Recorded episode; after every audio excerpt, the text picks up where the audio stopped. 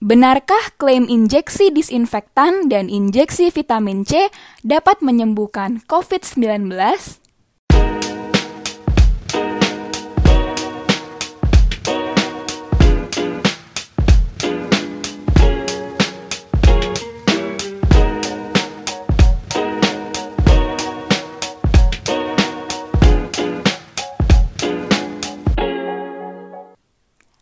Teman-teman, saya Arga Tria dan ini adalah podcast skema FK Unhas for COVID-19. Jadi pada kesempatan kali ini kita mau bahas tentang media sosial di era pandemi COVID-19. Beberapa minggu yang lalu, pemerintah telah memperlakukan social distancing dan work from home – Nah, hal ini mengakibatkan peningkatan penggunaan sosial media di berbagai belahan dunia. Lantas, apakah informasi yang beredar di sosial media teman-teman dapat dipercaya atau tidak? Pembatasan pertemuan sosial secara fisik nampaknya nih tidak membatasi penggunaan sosial media. Nah, menurut survei lembaga Kantar, pengguna WhatsApp terus tumbuh dari hari ke hari. Pada hari-hari awal pandemi, penggunaan aplikasi tersebut secara global melonjak sampai 27 persen, kemudian melonjak hingga 40 persen. Direktur Jenderal World Health Organization atau WHO sendiri menyebut hal ini merupakan pertempuran melawan troll and conspiracy theories. Informasi yang salah menyebabkan kebingungan dan menyebarkan ketakutan, sehingga menghambat respons terhadap wabah. Misinformation about the coronavirus is perhaps the most contagious thing about it. Pandemi COVID-19 berjalan seiringan dengan suatu fenomena yang disebut sebagai infodemik. Infodemik artinya informasi yang beredar secara masif di sosial media. Ada beberapa yang dapat dipercaya, ada juga yang tidak. Nah, overload informasi ini menyebabkan sulitnya bagi masyarakat untuk mendapatkan sumber informasi yang dapat dipercaya. Jadi, misinformasi yang beredar dapat ditemukan dalam berbagai bentuk, dapat berupa teori konspirasi, ataupun yang paling berbahaya berupa anjuran kesehatan yang tidak benar atau tidak berguna, serta berpotensi membahayakan masyarakat. Jadi, beberapa hari yang lalu, aku sempat baca nih suatu berita yang beredar di media sosial bahwa injeksi desinfektan dapat melawan virus corona. Aku bacain ya sedikit beritanya. Presiden Amerika Serikat, Donald Trump, mengatakan kepada media bahwa menyuntikan desinfektan dapat dijadikan sebagai langkah untuk melawan COVID-19. Setelah pernyataannya dirilis, banyak warga yang menganggap hal tersebut serius, sehingga sejumlah masyarakat berbondong-bondong mengkonsumsi dan menginjeksikan cairan desinfektan. Nah, teman-teman, untuk mengetahui apakah berita ini benar atau tidak, mari kita simak pendapat Dr. Firdaus Kasim, Master of Science yang merupakan salah satu dosen Fakultas Kedokteran Universitas Hasanuddin.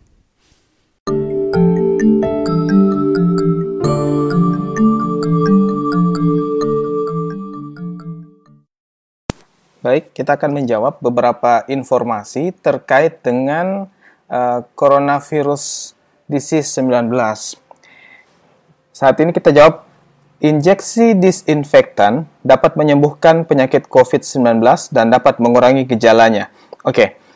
disinfektan itu tidak untuk dikonsumsi, tidak untuk diminum, tidak untuk diberikan injeksi.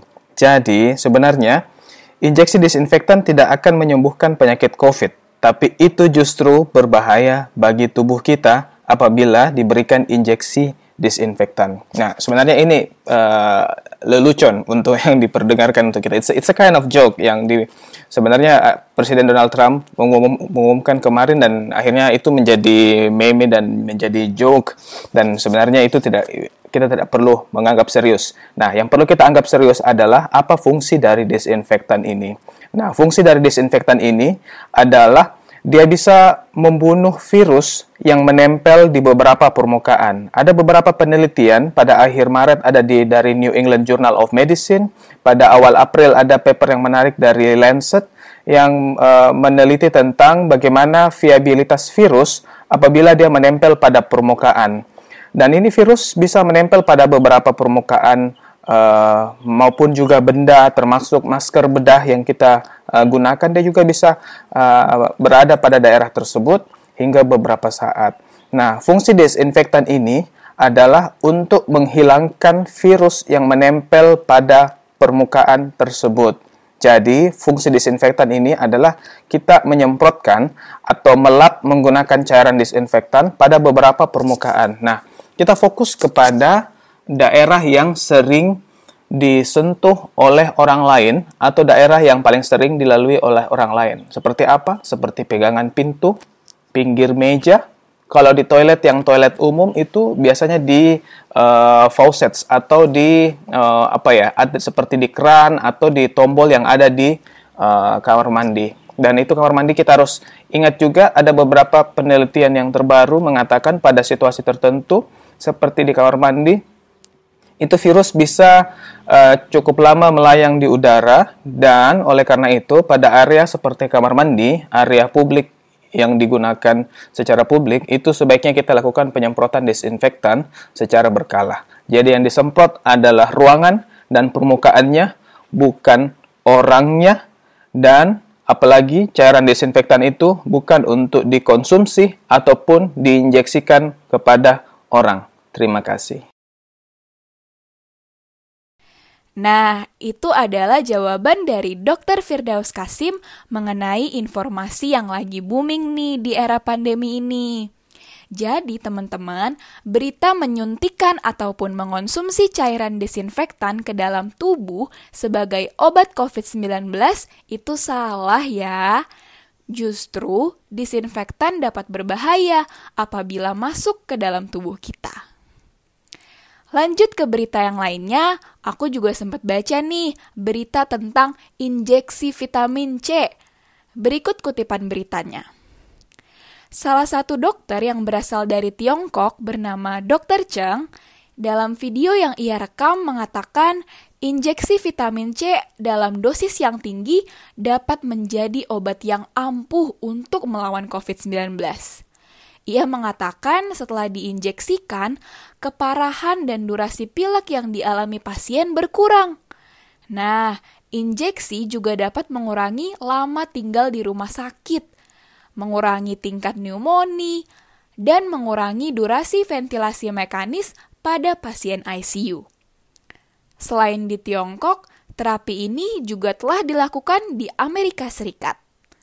Nah, mari kita dengar penjelasan dari Dr. Firdaus.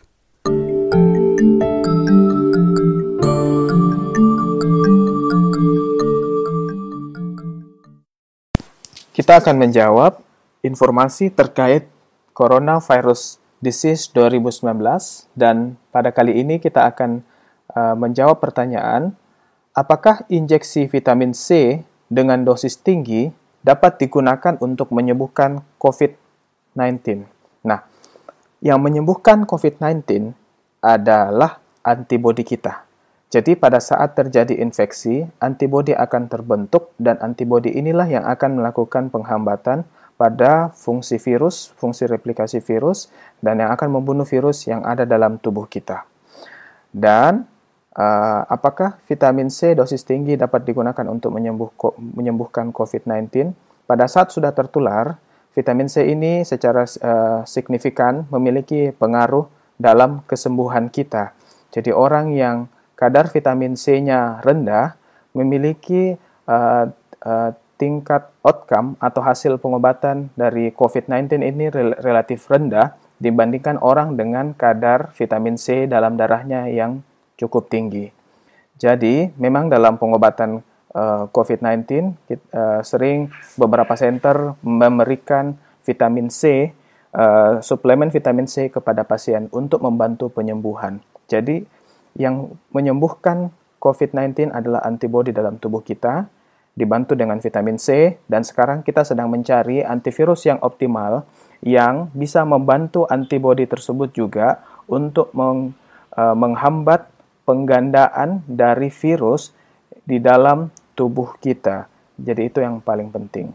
Nah, uh, kalau kita lihat juga sekarang ada trennya uh, banyak orang yang melakukan tindakan preventif atau profilaksis dengan melakukan konsumsi vitamin C dosis tinggi. Beberapa literatur, terutama systematic review, uh, Cochrane sempat memberitakan apakah pemberian profilaksis vitamin C dapat membantu untuk mencegah kejadian pneumonia, contohnya seperti COVID-19 ini. Di sana dikatakan bahwa pemberian profilaksis vitamin C tidak tidak memiliki dampak yang signifikan dalam mengurangi kasus pneumonia. Jadi, apabila kita mengkonsumsi vitamin C untuk mencegah dari terkena COVID-19, itu tidak bermanfaat untuk mencegah COVID-19 karena apabila kita tetap mengkonsumsi dan walaupun kita mengkonsumsi dan kita tetap berada pada area kontak, misalnya sering berada di luar, uh, berisiko tidak tinggal di rumah, itu tetap bisa memiliki risiko untuk tertular COVID-19. Dan juga kita harus pahami bahwa uh, vitamin C ini juga memiliki dosis maksimal yang harus kita konsumsi sehari-hari. Dan itu yang kita harus uh, perhatikan, jangan sampai kita mengkonsumsi vitamin C melebihi dosis terapeutik atau dosis aman yang dianjurkan bagi tubuh kita. Baik, semoga bermanfaat. Terima kasih. Wassalamualaikum warahmatullahi wabarakatuh. Itu adalah penjelasan dari Dr. Firdaus Kasim. Banyak yang berpikir nih kalau obat untuk COVID-19 sudah ada. Informasi itu salah ya teman-teman.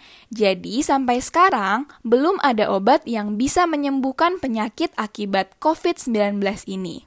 Injeksi vitamin C hanya dapat digunakan untuk meningkatkan sistem imun kita ya. Itu pun harus sesuai dengan anjuran dokter. Memang media massa menjadi salah satu hal yang penting di era COVID-19 ini dalam mengetahui perkembangan situasi. Tetapi meskipun begitu, kita tidak boleh langsung mempercayai informasi yang kita dapatkan, apalagi informasi itu kita dapatkan melalui sumber-sumber yang tidak terpercaya. Kita sebagai masyarakat Indonesia yang cerdas, seharusnya tidak langsung menerima informasi begitu saja. Nah, pastinya untuk mendapatkan informasi yang valid, kita harus tahu di mana saja tempatnya. Nah, untuk membantu teman-teman, sekarang aku bakalan kasih beberapa media yang dapat kalian percayai untuk mendapatkan informasi mengenai COVID-19. Yang pertama adalah website dari Centers for Disease Control and Prevention. Bisa kamu jadikan sebagai salah satu sumber terpercaya mengenai COVID-19. Yang kedua, informasi yang valid bisa kamu dapatkan pada website resmi Kementerian Komunikasi dan Informasi khusus COVID-19 yaitu covid19.go.id. Yang ketiga, selain website resmi, Kementerian Komunikasi dan Informasi juga punya akun Instagram yang bisa kamu gunakan untuk melihat hoaks-hoaks mengenai COVID-19 loh kamu tinggal lihat di @kemenkominfo. Yang keempat, Kementerian Kesehatan juga menyediakan website untuk informasi-informasi COVID-19 di infeksiemerging.kemkes.go.id. Yang kelima, untuk Makassar sendiri, website resmi untuk COVID-19 ini sudah ada loh. Kamu bisa mengunjungi infocorona.makassar.go.id. Nah, itu adalah sumber-sumber yang bisa kita percayai. Selain sumber-sumber di atas, yuk jangan langsung percaya. Nah, ada nih beberapa tips untuk teman-teman agar terhindar dari berita hoax. Yang pertama, kita jangan langsung terprovokasi dengan judul beritanya. Kita harus baca dulu keseluruhan dari isi beritanya. Kita juga harus berpikir jernih, jangan langsung memforward berita tersebut ke sosial media. Selain itu, kita harus cek ulang kebenarannya dengan bertanya kepada ahli-ahli dan kamu juga bisa cek di website-website yang aku sebutkan tadi. Pastikan info yang teman-teman baca memiliki referensi dan cek kebenaran referensinya. Terus, bagaimana kalau kita melihat berita-berita yang hoaks? Nah, teman-teman bisa laporkan berita tersebut di aduankonten.id agar berita tersebut tidak menyesatkan banyak orang. Di era pandemi ini, semua orang pastinya sedang merasa panik, sehingga mungkin kita mudah menerima sesuatu begitu saja. Tapi kita sebagai masyarakat Indonesia harusnya lebih kritis lagi dalam menerima informasi. Ayo kita membantu satu sama lain dengan menyebarkan informasi-informasi yang valid. Oh iya nih teman-teman, jangan lupa ya untuk tetap di rumah, gunakan masker, dan senantiasa menjaga kebersihan. Nama saya Arga Tria, dan ini adalah Kema for COVID-19. Sampai jumpa di podcast selanjutnya.